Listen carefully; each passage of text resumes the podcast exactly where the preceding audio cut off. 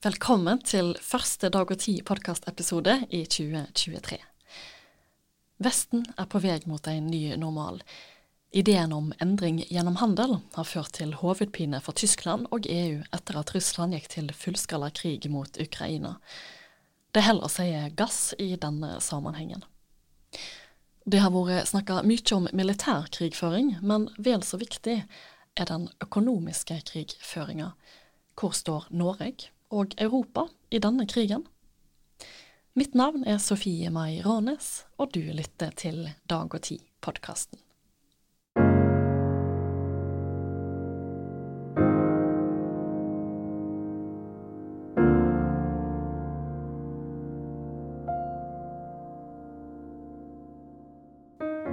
Velkommen til oss, Kåre Dahl Martinsen. Takk for det. Du er professor ved Institutt for forsvarsstudium ved Forsvarets høgskole.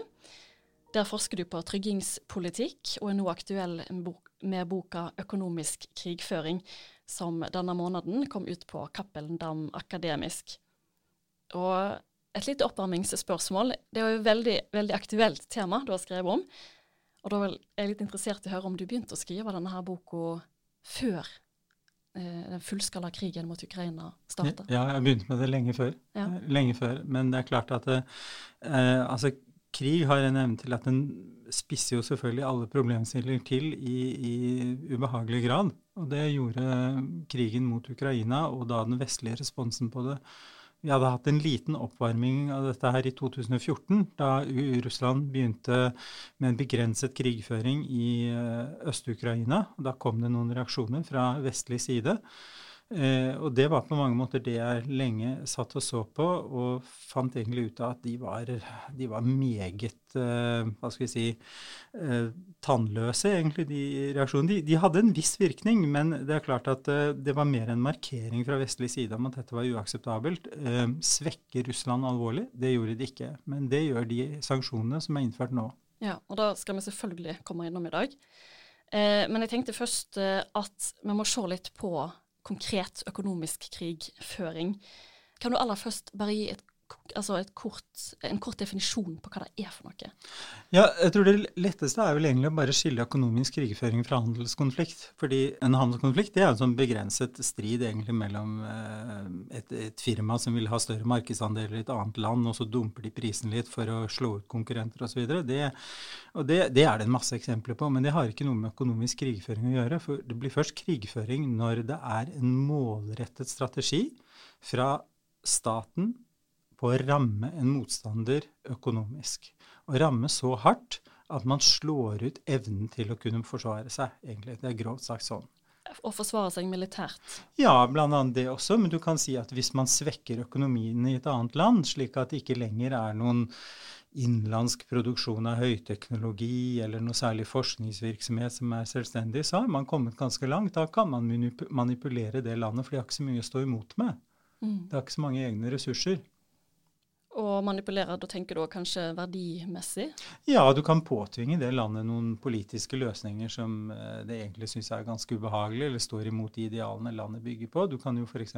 tenke deg at uh, man kan få landet til å se bort fra bryte med en allianse, eller man kan si at uh, man slutter med å kritisere brudd på menneskerettigheter i, i, hos motparten og den type ting. Og det er det mange eksempler på også nå aktuelt. Men økonomisk krigføring som begrep er jo veldig gammelt. altså Du finner spor av det fra altså, gamle Atens eh, kamp mot Sparta, eller i norsk historie så er Terje Vigen et godt eksempel på det. Da var det jo britene som satte i gang med en kornblokade av Norge for å svekke motstandskraften, og det klarte de også i, i ettertrykkelig grad. Mm.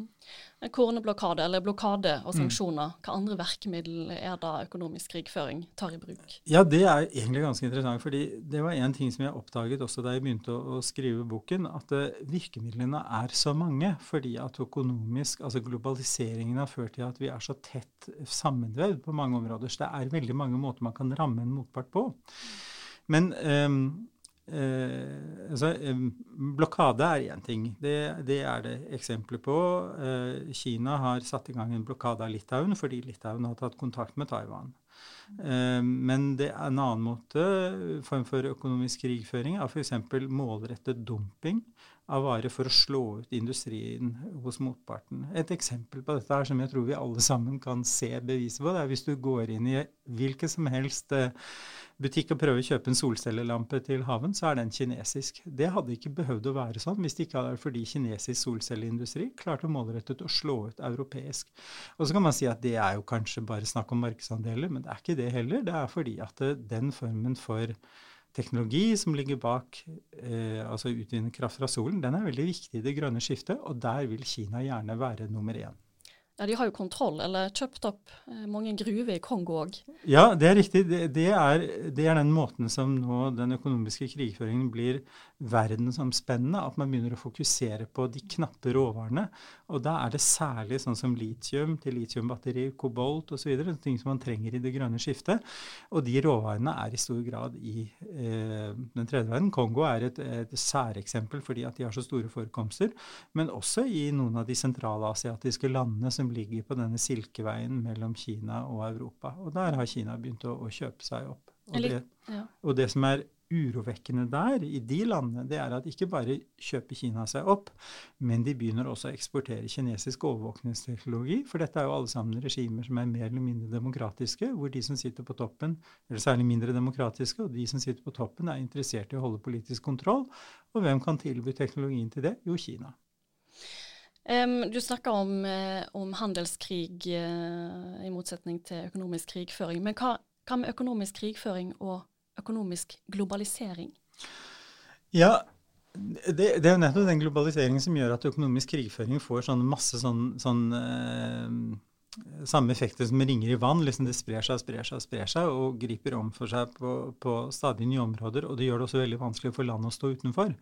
Eh, fordi du kan si at hvis nå, som vi ser i disse dager her, at USA har vedtatt en lov som går ut på at man skal flytte mer teknologiutvikling til USA man subsidierer det, så vil det ikke bare ramme Kina, som er målsettingen, men vil også ramme Europa fordi at det betyr en barriere mot europeisk teknologi. Det er, du kan si, Her blir Europa et slags sånt utilsiktet tredje offer eh, i, i, eh, i, den økonomiske krigføringen, eller utilsiktet tredjepart. Eh, så det er et eksempel på hvordan globaliseringen gjør at eh, man samtidig er avhengig av hverandre, men også sårbar overfor hverandre. Og det som skjer nå, er at nå er man i ferd med en frakobling at man prøver å bryte disse forbindelsene som fører til økt sårbarhet. Det klareste eksempelet er jo på en måte EUs eh, stans i import av eh, russisk energi. Jeg skal komme mer inn på dette her eh, etter hvert. men jeg begynte å, når jeg bladde i boka di og skal sette meg litt inn i dette her temaet, så ble jeg interessert i Norge. Har vi i nyere tid blitt utsatt for økonomisk krig? Eh, ja, altså Det som er problemet med økonomisk krigføring, det er at det, den, den, pågår på en måte hele tiden. Og det, mye av det pågår litt i det skjulte ved at man prøver f.eks. å stjele teknologisk forskning fra den ene parten. Det kan gjøres på mange måter, både ved hacking, som er kanskje det mest kjente eksempelet, men også ved at man f.eks. Eh, får eh, sender studenter på forskningsopphold, som i Norge, og dette er studenter som da har en oppdragsgiver i hjemlandet som er knytt, tilknyttet Forsvaret, som sitter og venter på å få overført ideer. Det har man hatt eksempel nå fra NTNU, men det er også andre eksempler. Men jeg syns kanskje det mest eklatante eksempelet på hvordan Norge har sovet i, i timen med 48 hodeputer på seg, det er den saken med Bergen Engines, eh, hvor man eh, har altså en form for teknologi, ved fremstilling av Eh, båtmotorer eh, til ubåter eh, som russerne var svært interessert i. Og så ble denne bedriften da solgt, og den skulle da selges til russiske investorer. Det her var man lenge klar over, og det var en utbredt debatt om det. Og regjeringen Solberg gjorde ingenting inntil at det ble så skandaløst og Muligvis, det vet vi ikke noe om, men det kan jo godt være at våre amerikanske allierte blander seg inn i dette her. Eh, vi forventer på at arkivene åpnes. Eh, men så plutselig så sa da Bakke-Jensen, eh, som var forsvarsminister, han reverserte beslutningen. Og da, kort tid før så hadde han sagt vi kunne ikke stanse salg av norsk teknologi bare fordi at det var utlendinger som kjøpte det. Og det er direkte feil. Da hadde Stortinget ikke så lang tid i forveien vedtatt den nye sikkerhetsloven, hvor det står at dette kan man. Så det man kan lure på her, det er liksom denne holdningen her hva, hvilke utslag det har når på en måte den politiske ledelsen ikke setter noen signaler. Og Det er en av de tingene som forbauset meg da jeg jobbet med det. Det er at det, det var, er så mange eksempler på eh, salg av informasjon, salg av norsk teknologi, hvor man ikke har grepet inn, fordi det har ikke vært noen politisk oppmerksomhet rundt det. Vi har Hvert år så har, man hatt, uh, har det kommet redegjøringer fra norsk etterretning, en sånn årlig melding hvor det står hva som er de såre punktene i Norge, hva utlendinger er, særlig da Russland og Kina, men også Iran, er ute etter. Det kommer hver år. Den er relativt lik, vil jeg si, den meldingen. Jeg har til gode å se noen politiker ta fatt i dette her og si hva betyr dette her rent konkret for oss. Hvordan er det egentlig mulig at næringslivet, eller hvem er det som har ansvar, da, for å se det på en litt annen måte, for at viktig, sensitiv informasjon som kan sette rikets sikkerhet i fare, eh, kommer i, eh, i, feil hender.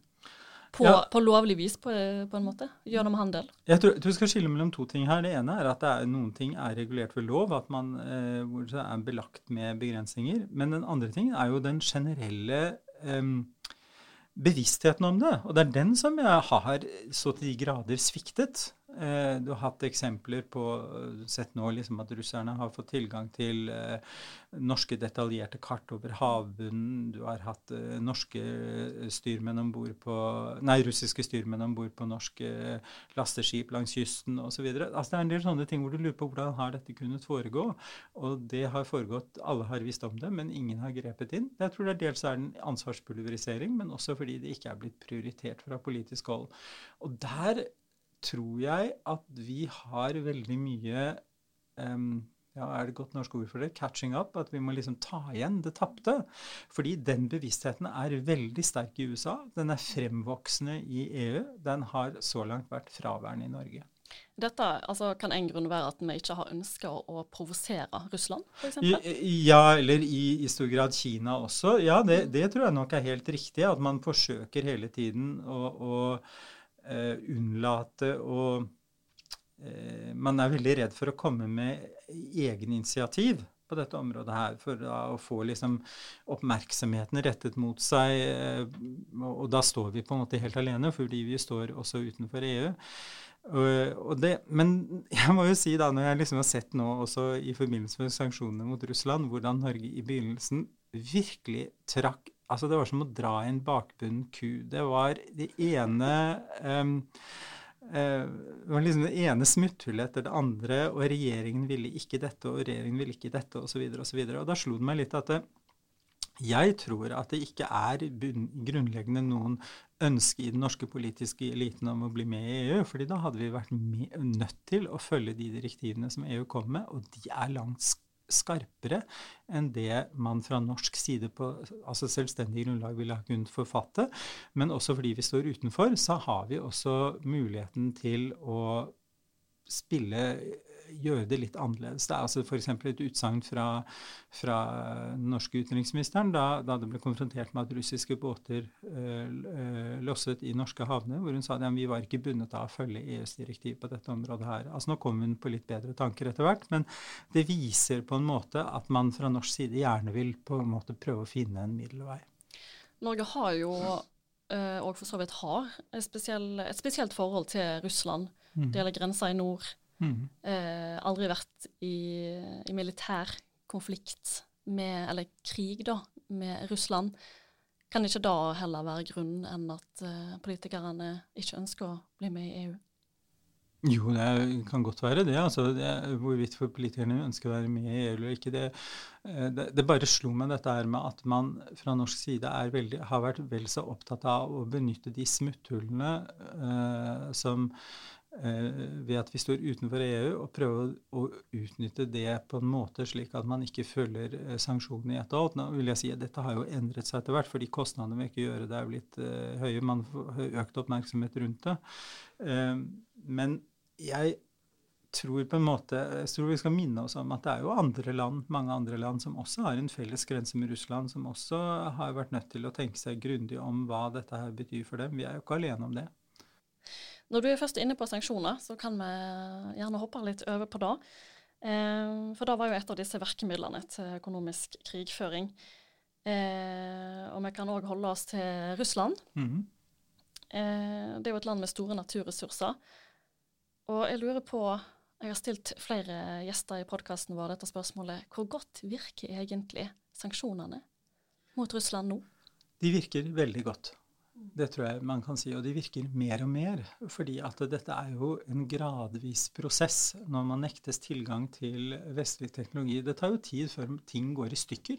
Og når du plutselig da står der eh, og ikke får reservedelene, så har du et kjempeproblem. Det ser man f.eks. nå på hele den russiske innenriksflyflåten. Eh, den begynner, Man har sagt ok, de kan gi den to år, og så vil de ha problemer med å få den å lette, lett, antagelig.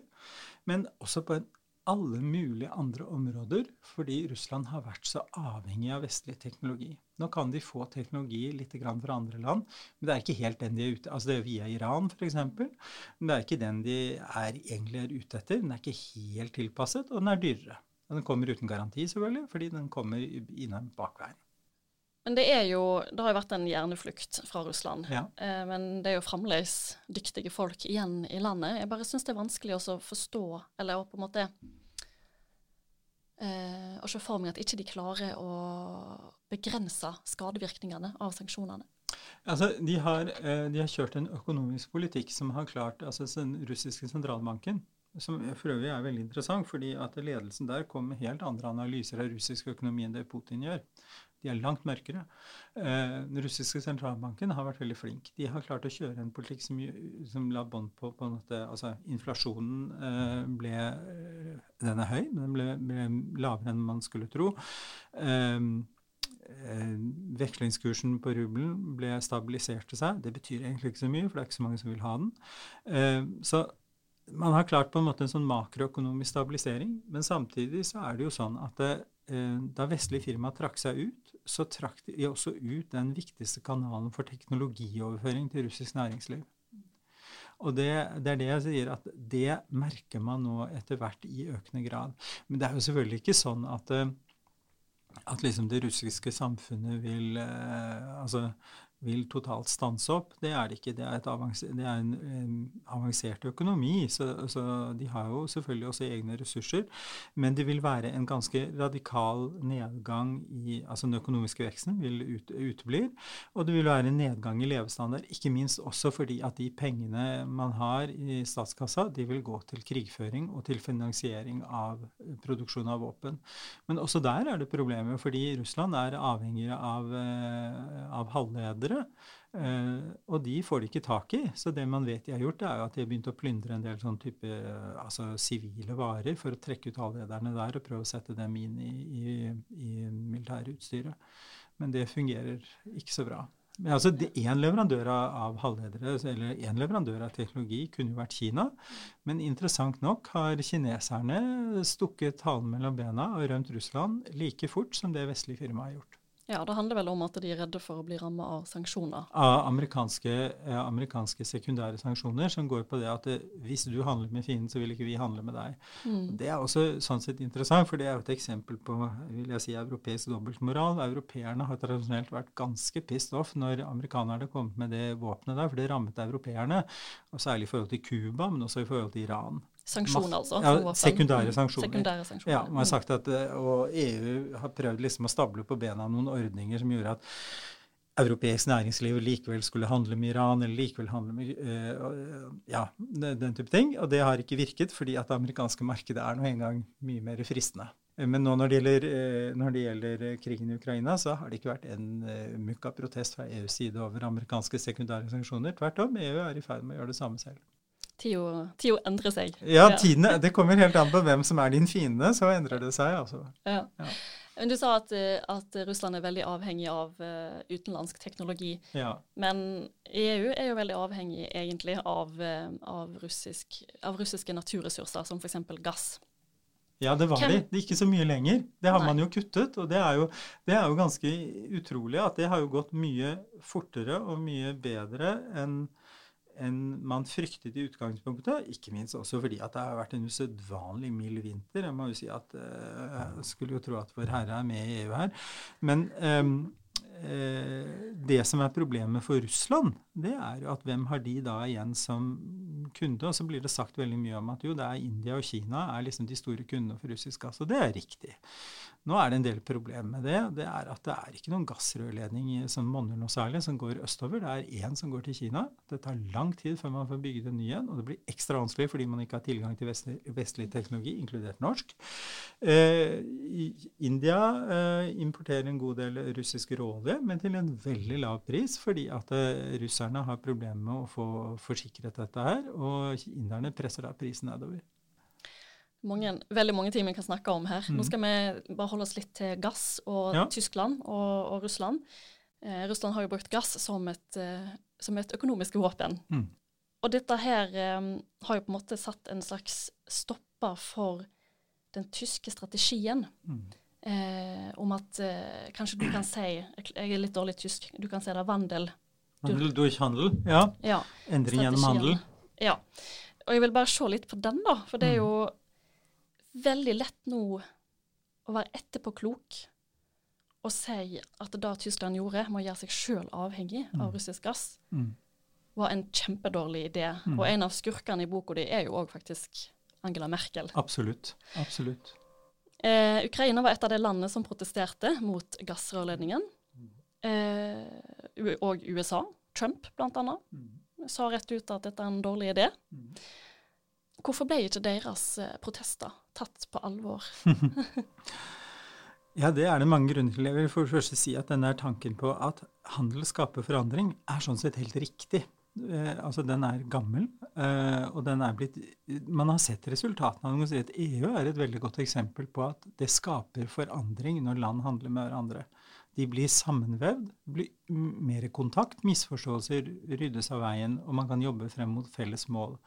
Men det som er viktig å huske på der, det er at EU er et prosjekt mellom demokratiske, likesinnede land som vil det samme.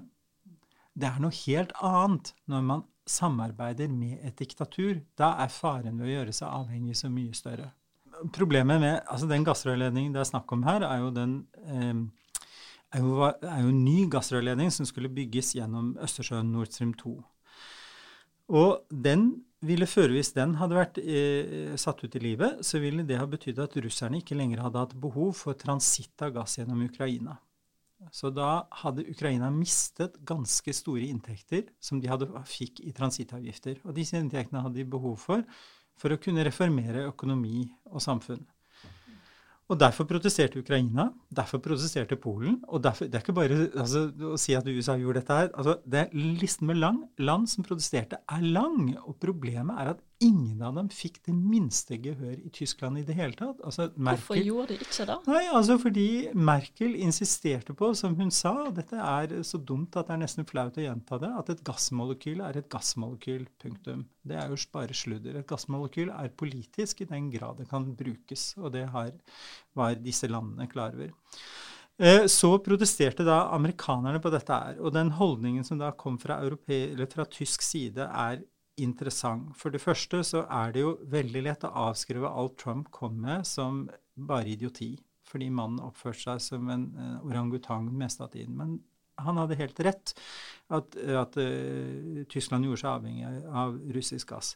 Og så, og så det en, kom det noen amerikanske initiativ at en måte Tyskland kunne løse dette her på, var altså de laget terminaler for flytende gass. Da var den tyske holdningen at ja, det er bare fordi at uh, amerikanerne vil selge fracking-gass til oss. Det er til amerikansk økonomisk fremstøt. Og det er klart at hvis det, hvis det er holdningen fra uh, Europas største økonomi, så er det jo ikke noe rart at amerikanerne blir ganske sure og ganske oppgitt over den tyske holdningen, som da har vist seg å være fullstendig feil.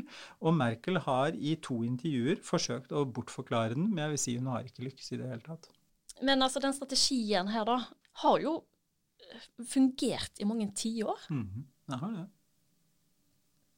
Ja, så er lett, er, er Da er det veldig lett å bli lullet inn i en sånn tro på at fordi det har fungert, så vil det fortsette å fungere sånn. Men avhengighetene har hele tiden økt.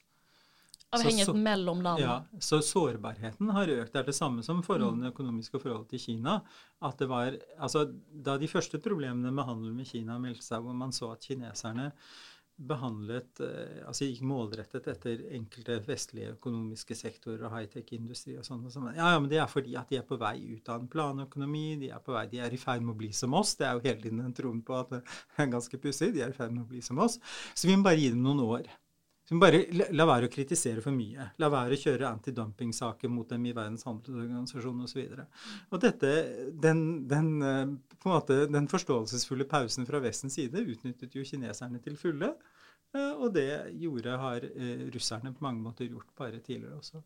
Nå sitter jo vi her og ser tilbake i ja. tida. Hvordan, Litt sånn personlig spørsmål, men har du alltid hatt rett i dine analyser? Har du Nei. alltid kritisert? Nei. Ja, altså um, Har du alltid hatt rett? Det var jo forferdelig spørsmål. Nei, altså, jeg er helt sikker på at um, det, det, håper jeg for, for guds skyld jeg ikke har. Uh, nei, det har jeg ikke. Men jeg tror um, jeg, jeg, tenker noen ganger på at det kan godt være at det har noe med min egen faglige bakgrunn å gjøre. Fordi at jeg startet ut som en, eh, på en måte en, en slags sånn sovjetspesialist i sin tid og skrev min doktoravhandling om eh, den statlige, altså industrien i Øst-Europa, og var der veldig mye. Og da får du et veldig annet syn på politikk og hva folk er i stand til å gjøre hvis du har levd i et reelt eksisterende sosialistisk samfunn. Altså det er um, Man har i Norge en sånn tro på at folk vil hverandre vel, i bunn og grunn. At uh, bare man snakker sammen, så kommer man frem til det. Jeg tror at uh, jeg har det til felles med andre som har opplevd de samfunnene der vi vet at det er en illusjon. At det er noen er bare ute på å ta rotta på deg hvis de kan. Og det gjør at du i utgangspunktet blir ganske kynisk når du ser på f.eks. erklæringer fra russisk og kinesisk hold hvor man sier én ting, så tenker jeg ok, la oss nå bare se hvordan gjennomføres dette her i realiteten. Og det er et problem når man er, eh, når man er nordmann, at man tror at man kan unngå å ta stilling til dette. Hvis jeg nå kan få lov til å bare eh, bruke, i tillegg til Frank Bakke-Jensen, som vel egentlig bør glemmes fortest mulig, men ta en annen politiker som fortsatt er aktiv, nemlig Espen Barth Eide. I den forrige regjeringen han var med i, da hadde han et, eh, husker jeg, en kronikk i Dagens Næringsliv hvor han advarte mot denne konflikten mellom, mellom, eh, USA og Kina. Og han sa at det var for all del opp til Norge at vi ikke måtte velge side. Uheldig for han så kom den kronikken omtrent samtidig med at kineserne fysisk moste demonstrantene i Hongkong. Og da må jeg bare si at eh, jo, jeg tror det er veldig viktig at vi velger side i Norge. Hvem er det vi egentlig er på parti med? Og det må på en måte bety noe også. Den holdningen vår altså Man har jo sagt i atskillige stortingsmeldinger og politiske erklæringer at menneskerettigheter er en bærebjelke i norsk utenrikspolitikk. Ja, hva betyr det konkret, da? Altså Hvis vi ikke kan gå ut og kritisere et annet land for brudd på menneskerettighetene, som Norge har unnlatt å gjøre når det gjelder Kina, så, så må man jo lure litt. grann. Men det betyr jo at uh, Vi skal komme tilbake til det om hvorvidt jeg har hatt rett eller ikke. Nei, men jeg tror jeg er uh, i ferd med å bli en sur, gammel kyniker. vi er jo et lite land, da. Ja. Vi er, vi er jo land. avhengig av handelspartnere. Ja. Vi er avhengig av venner der ute. Ja. Det er helt riktig. Det er, er det, liksom, det er jo ikke noe vanskelig å finne dem. Venner? Nei. Altså, Vi har jo andre land som deler våre politiske idealer også. Problemet er at når du er et lite land som Norge og står alene, så er ditt handlingsrom ekstremt begrenset. Eh, det betyr ikke at man f.eks. skal tillate at russiske fiskebåter losser i norske havner, som man gjorde på begynnelsen. Men det betyr at muligheten til å få gjennomført noe er veldig begrenset. Det blir veldig mye utenrikspolitikk til innvortes bruk. Erklæringer beregnet på det norske publikummet. Eh, så løsningen for oss er på mange måter tettest mulig samarbeid med likesinnede. Og da kommer vi tilbake til dette med handelskrig igjen, fordi det er en av Altså Hvis det er et sånt ord, et sånt begrep, som, som, liksom ble dannet mens jeg holdt på med boka, sånn liksom foran øynene på meg, så er det det den amerikanske sentralbanksjefen Janet Yellen kaller friendshoring. At uh, man skal nå begynne å samarbeide med økt økonomisk samarbeid og avhengighet av land som deler de samme politiske idealene som deg selv. Dette er en visjon, og det er veldig klare begrensninger i det. Jeg mener Det er vanskelig å finne f.eks. en produsent av kobolt som deler de samme idealene som oss, men vi må forsøke på best mulig måte og orientere oss mot dem som mener det samme. Du kan si at det gjør vi allerede, men samtidig så er det en fare for at vi på enkelte områder kan bli avhengig av et land som på et eller annet tidspunkt tar et eh, ja, jeg skulle til å si et ubehagelig grep, hvis man kan si det sånn, eh, om Norge, og kan på en måte klemme til. Så land f.eks. Norge eller EU skal samarbeide med, må jo være helt perfekte, da. Det må ikke være noen utsikter til at Eh, det landet de skal samarbeide med, kanskje om ti år blir et autoritært regime? Ja, altså jeg tror at man, man er Men du kan si at det, det, er klart at den strategien der eh, kan møte en, en, ganske hard realitetssjekk et kvarter etter den ble erklært. Eh, og det vet man fra EUs side også. Man er nødt til å importere energi fra land som har helt andre syn på menneskerettighetene enn det vi har. Men det er jo et forskjell på å gjøre seg avhengig av f.eks. land i Golfen og Russland. For det er, ikke, det er lite trolig at de landene vil ha ambisjoner om å gå til økonomisk krigføring mot oss eh, på samme måte som det Russland vil ville ha gjort, eller at de landene vil true våre nasjonale sikkerhetsinteresser på samme måte som det Russland kan gjøre. Mm. Men Kina er på mange måter en Altså Russland eh, eh, Debatten om økonomisk krigføring blir på en måte litt Den blir hjulpet, ubehagelig nok, av krigen Russland fører mot Ukraina. Men det store problemet er ikke Russland, det store problemet er Kina. Fordi Kina er så mye mer avansert. Kina har så mye, mye mer penger å bruke på å kjøpe seg innflytelse, og de har klart det også ganske ubehagelig. Det var et eksempel som jeg nevner i boka, hvor eh, Kina skjønte fort at hvis de investerte i økonomisk svake land i EU, sånn som eh, Hellas, så kunne, det, så kunne, det, føre til litt added bonus. Og de kjøpte havnen i Pireus, som var Hellas' største havn, en av de største havnene i middelhavsområdet og driver den. Og så kom det da EU, ville protestere mot Kinas behandling av uigurene. Og da fikk Kina Hellas den greske regjeringen til å nedlegge veto. Og det har de klart senere også, både eh, med, med, andre regjeringer i EU også. Men det førte til en endring fra EUs side på hvordan man gjør dette her. Altså hvordan man prøver å samle mer politikk i Brussel Og begrense medlemslandenes mulighet til å stikke kjepper i hjulene for en felles utenriks- og sikkerhetspolitikk. Hvor viktig er Kina for eh, europeisk handel?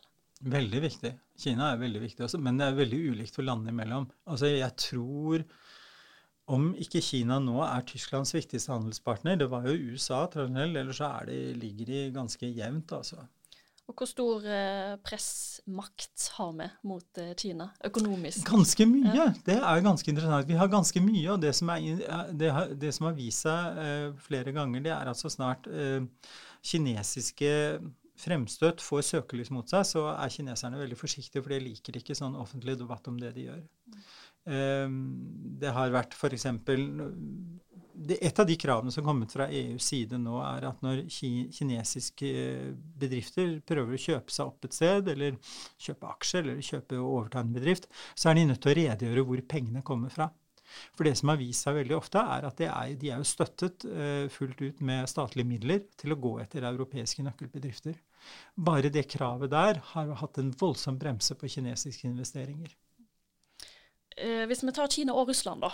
De begge to de ønsker jo en mer multipolar verdensordning. Mm. Og rett før invasjonen av Ukraina så inngikk Russland og Kina en vennskapspakt. Mm. Eh, litt stort spørsmål, men òg konkret. Hvordan vil være å se ut med deres nye verdensorden? Ja, det vil være et forferdelig perspektiv, rett og slett. Fordi at dette er to land som har totalt uh, mangler respekt for uh, lover og regler. Og de vil eh, lage et regelsett som tjener dem. Eh, det har, har vi eh, altså Særlig når det gjelder Kina, så har man en rekke eksempler på det.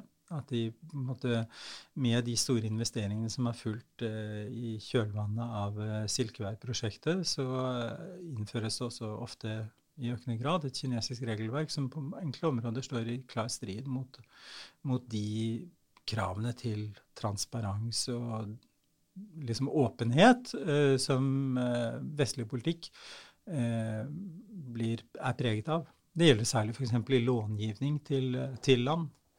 Altså Der har Vesten helt klart svin på skogen, men man prøver å gjøre noe med det, og har bl.a. innført noen kriterier om hvor store kan lån være som et land tar opp. fordi hvis de er for store, så blir landet gjeldsslave. Kina retter seg ikke etter det. Og det har jo også ført til at f.eks. Malaysia på et tidspunkt sa at nei, dette er neokolonialisme, det Kina forsøker her. Så vi sier nei takk til kinesiske lån. Men Kina klarte det i Montenegro å gi så store lån at den montenegrinske staten gikk omtrent bankerott. Eh, og da reagerte EU, fordi at det står også i ofte i de kinesiske låneavtalene at hvis landet ikke kan betale, så kan de betale i form av fast eiendom.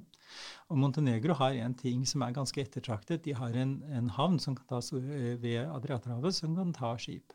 Kina har gjort det samme overfor Sri Lanka, overtatt en havn der. Og man var redd for at Kina ville overta en havn i Montenegro. Og da, da, da, den frykten ble stor nok, så kom EU eh, e og amerikanerne på banen. Hva bør vi frykte mest? Økonomisk krigføring sånn som dette her, f.eks.? Eller, eh, eller kan du kalle dette for økonomisk krigføring? Ja, jeg mener det er økonomisk krigføring. Fordi det er, altså når det går målrettet etter å svekke en annen stat, mm. så er det økonomisk krigføring. Hva er verst, da? Økonomisk krigføring eller uh, militær krigføring? Hvis det er mulig å sette dem opp mot hverandre? Nei, det, jeg syns det er vanskelig å se det opp mot hverandre. Men du kan si at det, eh, har noe, det har jo vært sagt at økonomisk krigføring er det foretrukne maktinstrumentet, fordi det fører ikke til at eh, unge menn kommer hjem i svarte sekker.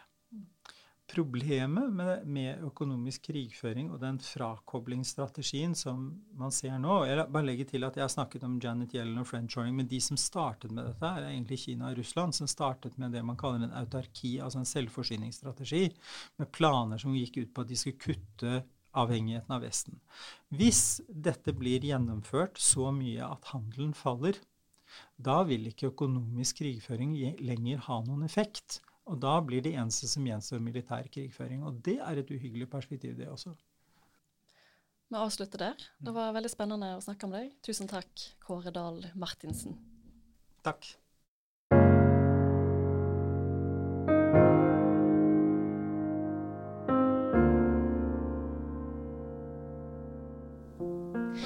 Du lytter til Dag og Tid-podkasten.